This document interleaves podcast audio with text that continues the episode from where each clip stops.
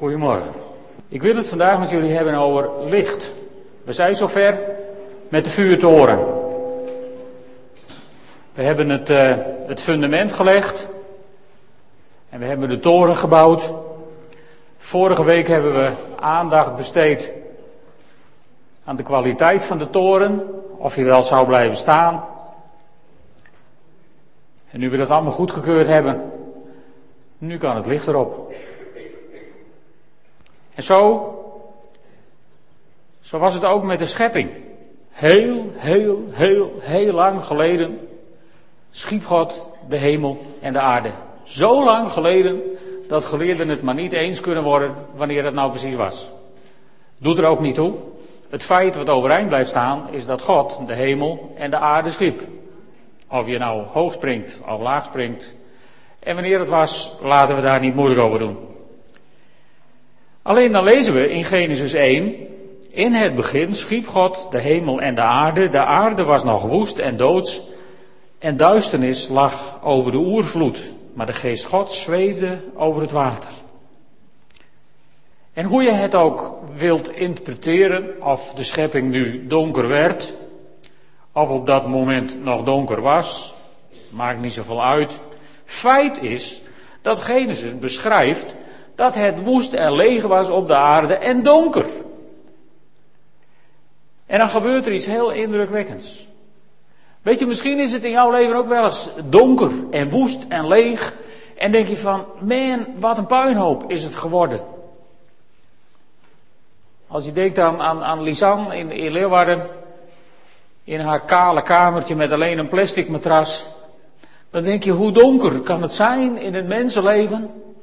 En dan is er een schreeuw in je hart van Heer. Toen het vroeger zo donker was, toen zei u slechts één woord, er zij licht. En het was licht. De aarde was woest en leeg, staat er. De, de, de Hebreeuwse woorden tohu, fabohu.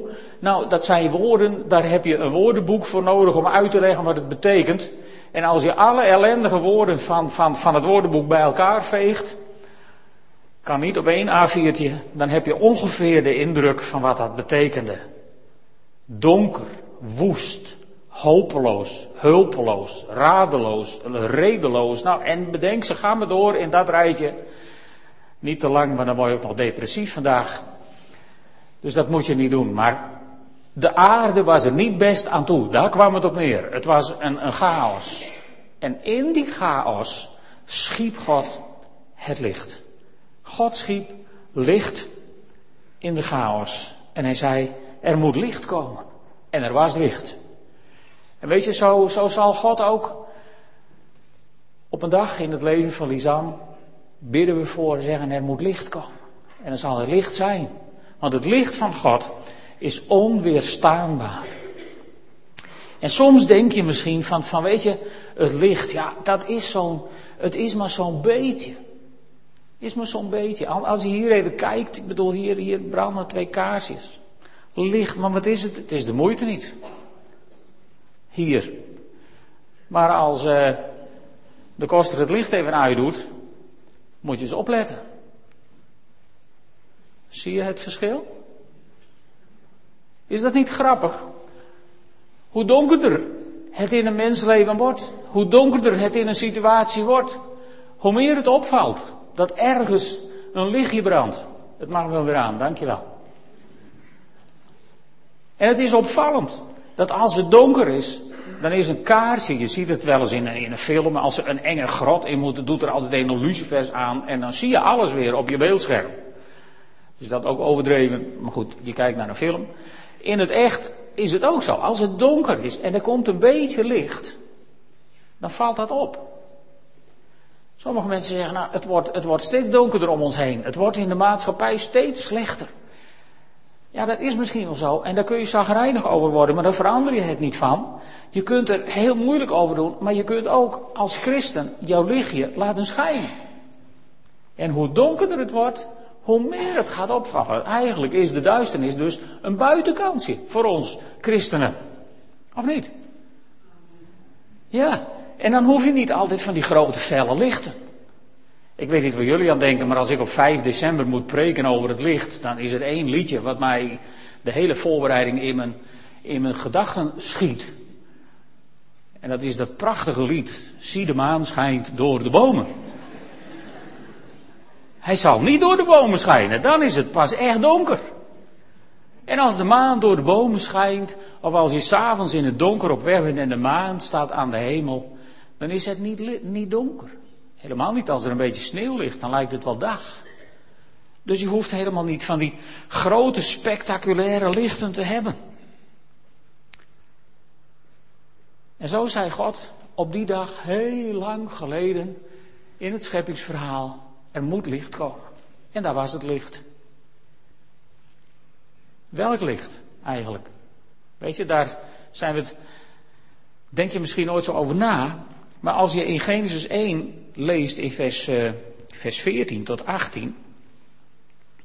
Daar staat, God zei, er moeten lichten aan het hemelverwelf komen om de dag te scheiden van de nacht. Ze moeten de seizoenen aangeven en de dagen en de jaren. En ze moeten dienen als lampen aan het hemelgewelf om licht te geven op aarde. En zo gebeurde het. God maakte de twee grote lichten. Het grootste om overdag te heersen, het kleinere om door de bomen te schijnen. Over de nacht te heersen. En ook de sterren. Hij plaatste ze aan het hemelgewelf om licht te geven op de aarde en om te heersen over de dag en de nacht en om het licht te scheiden van de duisternis. En God zag dat het goed was. Maar dat was op dag vier. Grappig. God doet eerst het licht aan en dan schept hij de zon. En als hij nu de zon uitdoet, is het hier donker. Wat voor licht was het dan? Nou, dat is een licht wat we aan het eind van de tijden opnieuw zullen zien. Ik neem jullie mee naar openbaringen. Je hoeft niet lang te bladeren, dit was aan het begin, eerste kaft. Nu gaan we naar het laatste kaft, dan hebben we de Bijbel van kaft tot kaft behandeld vandaag. Dus we gaan naar openbaring. Openbaring 22. En dan zegt Johannes, hij, God dus, liet me een rivier zien met water dat leven geeft. De rivier was helder als kristal en ontsprong aan de troon van God en van het Lam. In het midden van het plein van de stad en aan weerskanten van de rivier stond een levensboom die twaalf vruchten gaf, elke maand zijn eigen vrucht. De bladeren van de boom brachten de volken genezing. Dan is het eindelijk gebeurd dat we ze uit de dienstweg naar het ziekenhuis moeten brengen. Dat is dan allemaal niet meer. Dan kun je op het ijs vallen wat je wilt. Maar dan is dat ook allemaal klaar. Want die bladeren brengen genezing. Er zal niets meer zijn waarop nog een vloek rust. De troon van God en het lam zal daar in de stad staan. Zijn dienaren zullen hem vereren. En hem met eigen ogen zien en zijn naam, zijn naam staat op hun voorhoofd. Niet het teken van het beest, maar zijn naam staat op hun voorhoofd. Er zal geen nacht meer zijn. En het licht van een lamp of het licht van de zon hebben ze niet meer nodig. Dus dag vier van de schepping kunnen we vergeten als het zover is. Dat hoeft allemaal niet meer. Want God, de Heer, zal hun licht zijn. En zij, wij dus, zullen als koningen heersen tot in eeuwigheid. Met andere woorden, het kan nog zo licht, zo donker zijn in, in je leven of in een situatie waar je in zit. Eén ding weet je in ieder geval zeker. Er komt een dag en dan is het nooit meer donker. Dan is de aanwezigheid van God om je heen zo machtig, zo sterk, zo majestueus geworden. Dat er altijd licht om je heen zal zijn. En wat voor licht? Wat voor licht? Niet te vergelijken met de zon. Je krijgt er geen huidkanker van. En je hoeft er geen zonnebril voor op. En je wordt er niet ziek van. En je verbrandt er niet van. Maar het is goddelijk licht. Daar gaan we naartoe. Maar goed, daar zijn we nog niet helemaal. Maar het is wel begonnen. Want in Johannes 1, nu gaan we naar het midden. In Johannes 1, daar lezen we een paar prachtige versen over het licht. Want dat licht waar openbaringen het over heeft, en dat licht wat we in Genesis 1 hebben gezien, toen God zei er moet licht komen, toen kwam er licht. Dat licht is er altijd geweest volgens de Bijbel. Dat was er voor de grondlegging van de aarde. Dat is het eeuwige licht. En dat eeuwige licht, dat is niet iets totaal onbereikbaars geworden wat bij God in de hemel is. Maar op een dag, op een dag, 2000 jaar zo'n beetje geleden, toen kwam dat licht naar deze wereld. Toen kwam dat licht. Johannes 1, vers 1 tot 5. In het begin was het woord. Het woord was bij God en het woord was God. Het was in het begin bij God. Dit gaat over het woord over de Heer Jezus. En dan staat er in vers 3, alles is erdoor ontstaan. En zonder dit is niets ontstaan wat er bestaat. Want God sprak en het was er. Het woord. En dan staat er in vers 4, in het woord was leven. En het leven, let op, was het licht voor de mensen. 2000 jaar geleden kwam dat naar deze wereld. Want dat staat dan in vers 5. Het licht schijnt in de duisternis. En de duisternis heeft het niet in haar macht gekregen. Dus, wat zegt God hier? De aarde was misschien woest en leeg. En jouw situatie is misschien woest en leeg en chaotisch. Maar bij mij is licht. Ik ben niet in paniek. En als ik de kans krijg om te komen in jouw situatie dan komt dat licht komt binnen, zoals het 2000 jaar geleden naar deze wereld kwam. Om verzoening te doen tussen jou en mij, zegt God. En om jou te redden kwam dat licht naar deze wereld. Het kwam in de duisternis. En de duisternis, ja, wat heeft die duisternis eigenlijk? Dat is heel interessant. In vers 5, er staat in de nieuwe Bijbelvertaling, de duisternis heeft het niet in haar macht gekregen. In de NBG-vertaling staat iets soortgelijks. De duisternis heeft het niet gegrepen. Maar dan ga je naar de, nieuwe, dan ga je naar de Statenvertaling. Zowel de oude als de nieuwe, die gisteren is uitgekomen, de herziene Statenvertaling. In de Statenvertaling staat, en de duisternis heeft het niet begrepen. Met een B. En dat is iets heel anders. Ik bedoel, want of je grijpt iets om het de nek om te draaien, dat is toch het idee wat we hebben of niet? Jezus werd door de duivel in de woestijn geleid, 40 dagen verzocht en de duivel wilde hem eigenlijk een kopje kleiner maken, zijn bediening beroven en het lukte niet. En, en die indruk heb je hier ook, de duisternis, ja die heeft het niet gegrepen, dat heeft hij niet gekund. Halleluja. Halleluja, dat heeft hij ook niet gekund. Maar dan ga je eens in wat andere Bijbelvertalingen snuffelen. En dan vind je bijvoorbeeld in de, in de Leidse vertaling. Het licht schijnt in de duisternis en de duisternis nam het niet in zich op. En dat brengt je dan in de war als je dat leest hoor. Dan ga je nog verder zoeken, dan zie je in de King James version, daar zie je van, van dat de duisternis did not comprehend it. Nou, ga je een goed woordenboek zoeken, wat betekent comprehend? Nou, dat betekent niet dat je iets grijpt om het te vernielen, maar dat betekent dat je het niet snapt. Dus dat Griekse woord, dat heeft twee kanten. En, en ik dacht, het lijkt er een beetje op in, in modern taalgebruik. Ja, al lang niet meer. Ik twitter niet en ik doe niet. Maar in, in, in voor mij modern taalgebruik. Als je, als je een verhaal hoort en je zegt tegen iemand, nou, ik pak het niet. Wat bedoel je dan? Bedoel je dan, ik ren er niet een paar om met de nek om te draaien? Nee, dat bedoel je niet. Je bedoelt, ik snap het niet. Ik pak het niet. Oké. Zo'n Grieks woord staat hier ook ongeveer. Dus als ze over 2000 jaar uh, een, een Nederland boek lezen waar staat ik pak het niet, breken ze zich net zo goed, denk ik, de nek erover als wij nu. En, en wat zou het dan geweest zijn?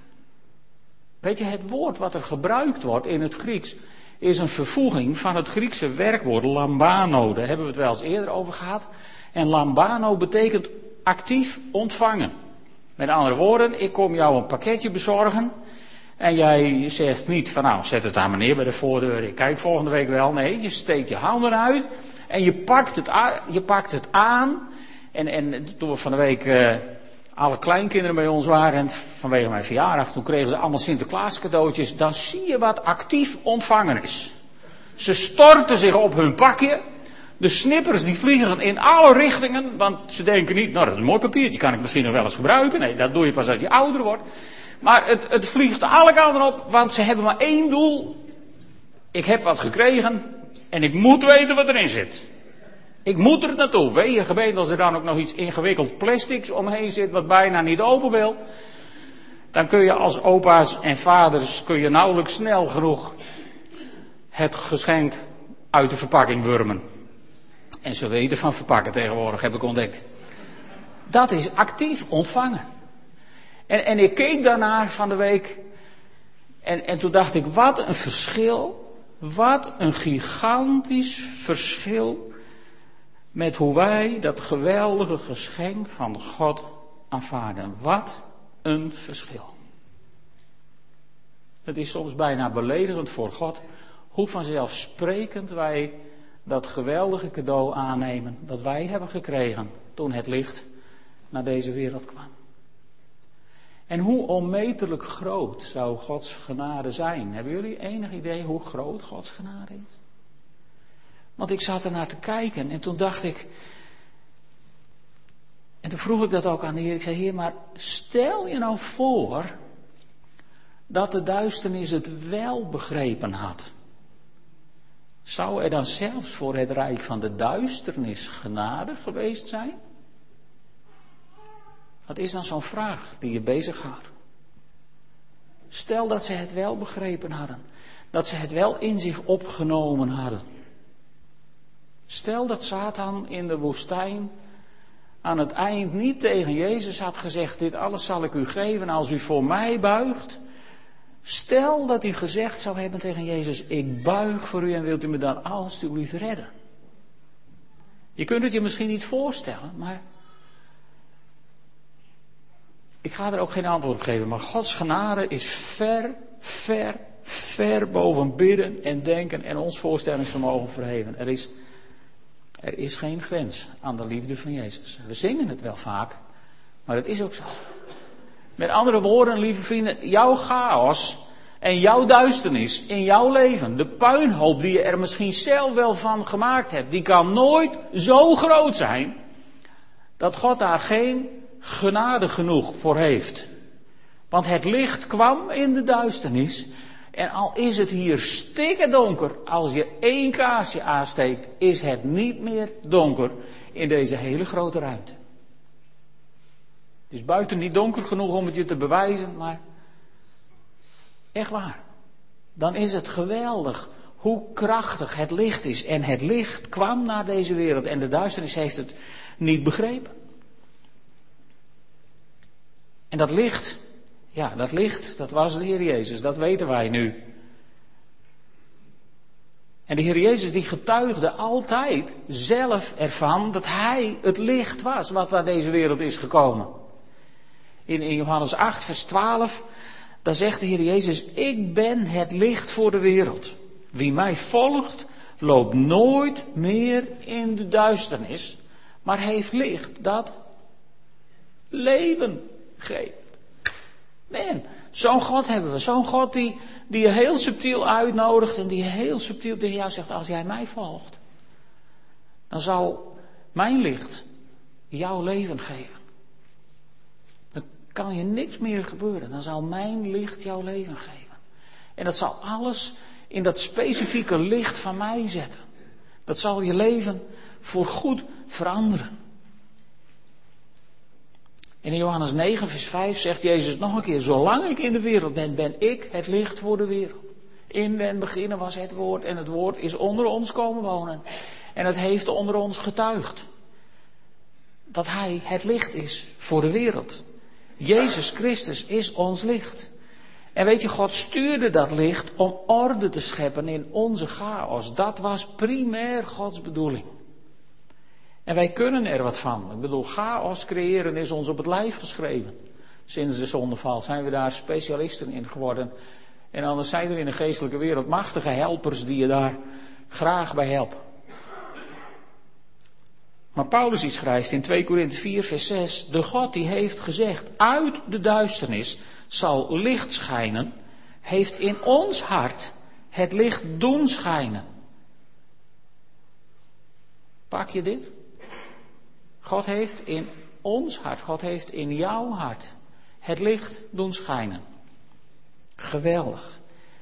En waarom heeft hij dat licht daar doen schijnen? Om ons te verlichten met de kennis van zijn luister die afstraalt van Jezus Christus, van het gezicht van Jezus Christus.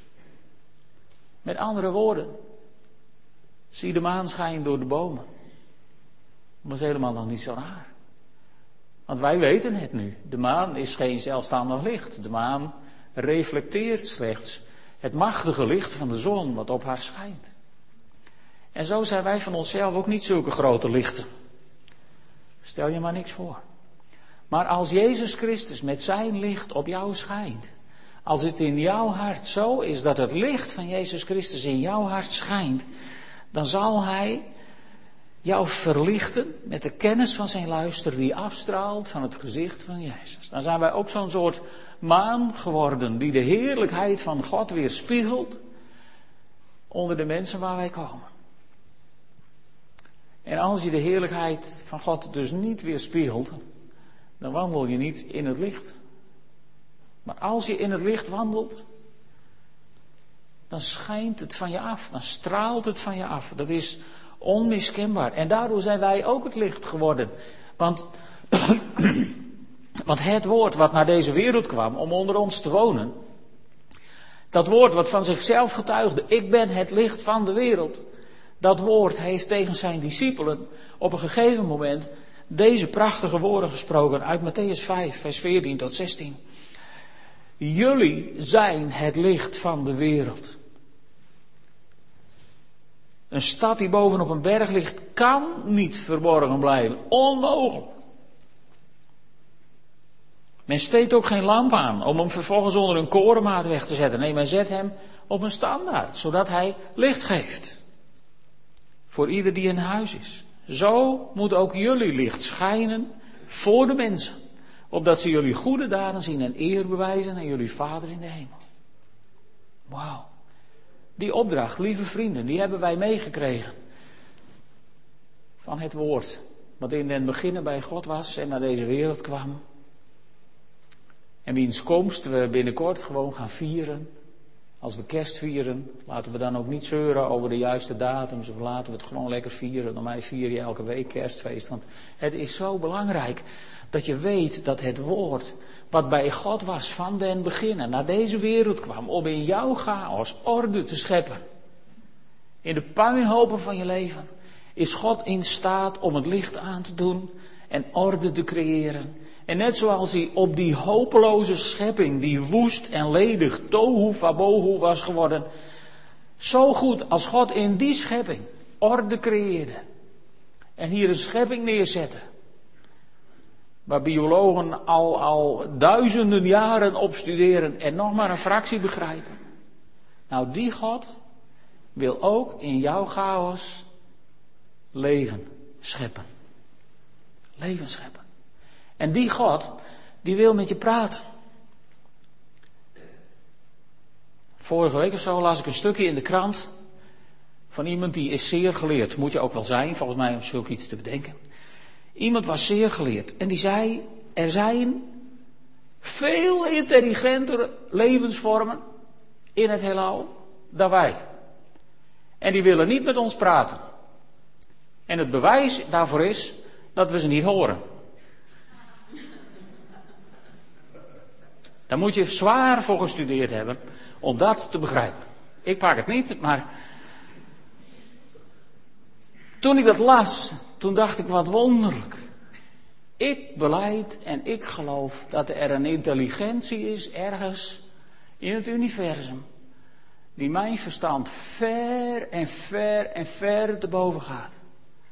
En weet je wat de genade is in mijn leven? Die hoge intelligentie, die wil met mij praten. Sorry.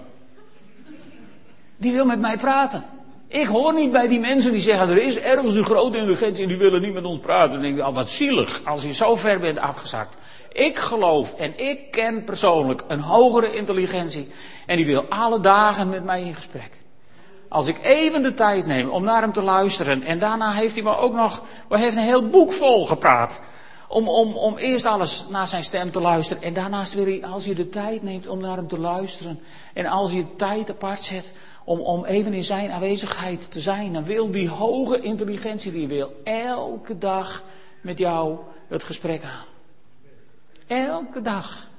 Hé. Hey, laat die geleerden nou maar domme stukken in de krant schrijven.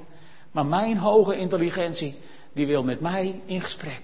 En die is geïnteresseerd in mijn zere knie En die is geïnteresseerd in veel meer van mij en van jou. Die hoge intelligentie is het gesprek met je aangegaan. 2000 jaar geleden kwam het woord wat er was van de beginnen naar deze wereld. Om met jou en mij te communiceren. Is dat niet mooi? Dat is de hoop waarin we opgaan naar kerst. Dat is de hoop van Advent. Is die wetenschap van en hij wil met mij praten. En hij wil gemeenschap met mij. En hij wil met mij communiceren. En dat doet hij elke keer weer. En als ik het doorzit, of als ik het even niet zie, of dat ik even onder de indruk dreig te raken van mijn eigen chaos, dan is hij er met zijn licht, met dat licht dat leven geeft. En dan is er ineens weer leven, ongeacht de situatie. Dat is de God waarin wij geloven. En toen hebben wij mensen een tijdperk uitgevonden in de geschiedenis. Dat zijn we, hoe is het in de wereld mogelijk, de verlichting gaan noemen. En met de verlichting werd het echt donker op deze aarde. Want we werden zo verlicht dat we dachten dat we God wel weg konden redeneren. En dat we die wel op konden bergen. En sinds de verlichting heb ik het gevoel, leeft Europa in diepe duisternis. Maar laten we daar niet mismoedig over worden, lieve vrienden. Want die diepe duisternis is een buitenkansje voor jou om dat licht van Christus te laten zien. Als het goed nacht is en de maan schijnt door de bomen, dan is dat prachtig om te zien. Dan is dat iets om van te genieten. En, en laat alsjeblieft jouw omgeving van je genieten. Laat de wereld van je genieten. Schijn maar door de bomen. Zodat de mensen focus, hun focus daarop richten. En niet langer op dat bos van ellende waar ze in rondwalen. Laten we onze chaos bij God brengen, dan zal Hij spreken. Er moet licht komen. En dan zal het licht zijn. En dan zullen we pas echt een verlichting meemaken. En ik zou zeggen, lieve vrienden, laten we er aanstalten mee maken. Want het is advent, de wereld verwacht. Met rijkhalzend verlangen. Laat je maar zien. Schijn maar door de bomen. Staak je wild geraas. Want het heerlijke avondje is gekomen. En dat heeft niets te maken met Sinterklaas.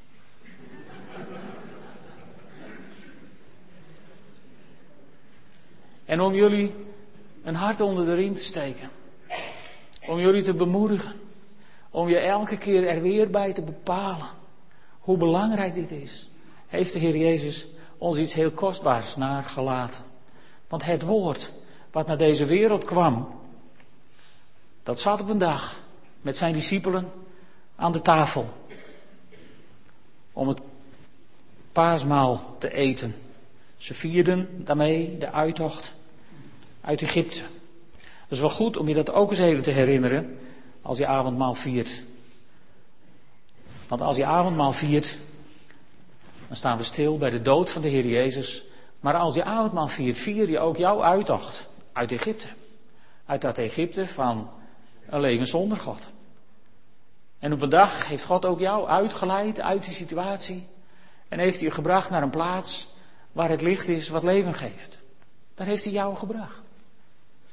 Het is goed om daar ook eens bij stil te staan als je avondmaal viert. Volgens mij, dat vult je hart met een diepe dankbaarheid richting God. Dat je zegt, Heer, ik, ik, ach, ik piep en ik zucht wel eens en ik kanker wel eens en ik klaag wel eens en ik, ik doe soms wel eens wat, wat. Ach Heer, maar als ik eraan denk dat u mij uit Egypte hebt geleid naar het beloofde land. Twee keer door het water overigens. En we hebben 9 januari weer een doopdienst. Ik moet hem toch even noemen. Hij heeft ons in de vrijheid gebracht. Laten we dat vieren met elkaar. Laten we dat vieren. En laten we daarbij ook denken aan wat Jezus voor ons heeft gedaan. Aan wat het Hem heeft gekost, zodat wij dit, dit kunnen vieren met Hem. Laten we daarom samen straks avondmaal vieren. Zullen we eerst een moment bidden voor brood en wijn. Vader in de hemel, dank u wel dat u het licht op deze wereld hebt aangestoken.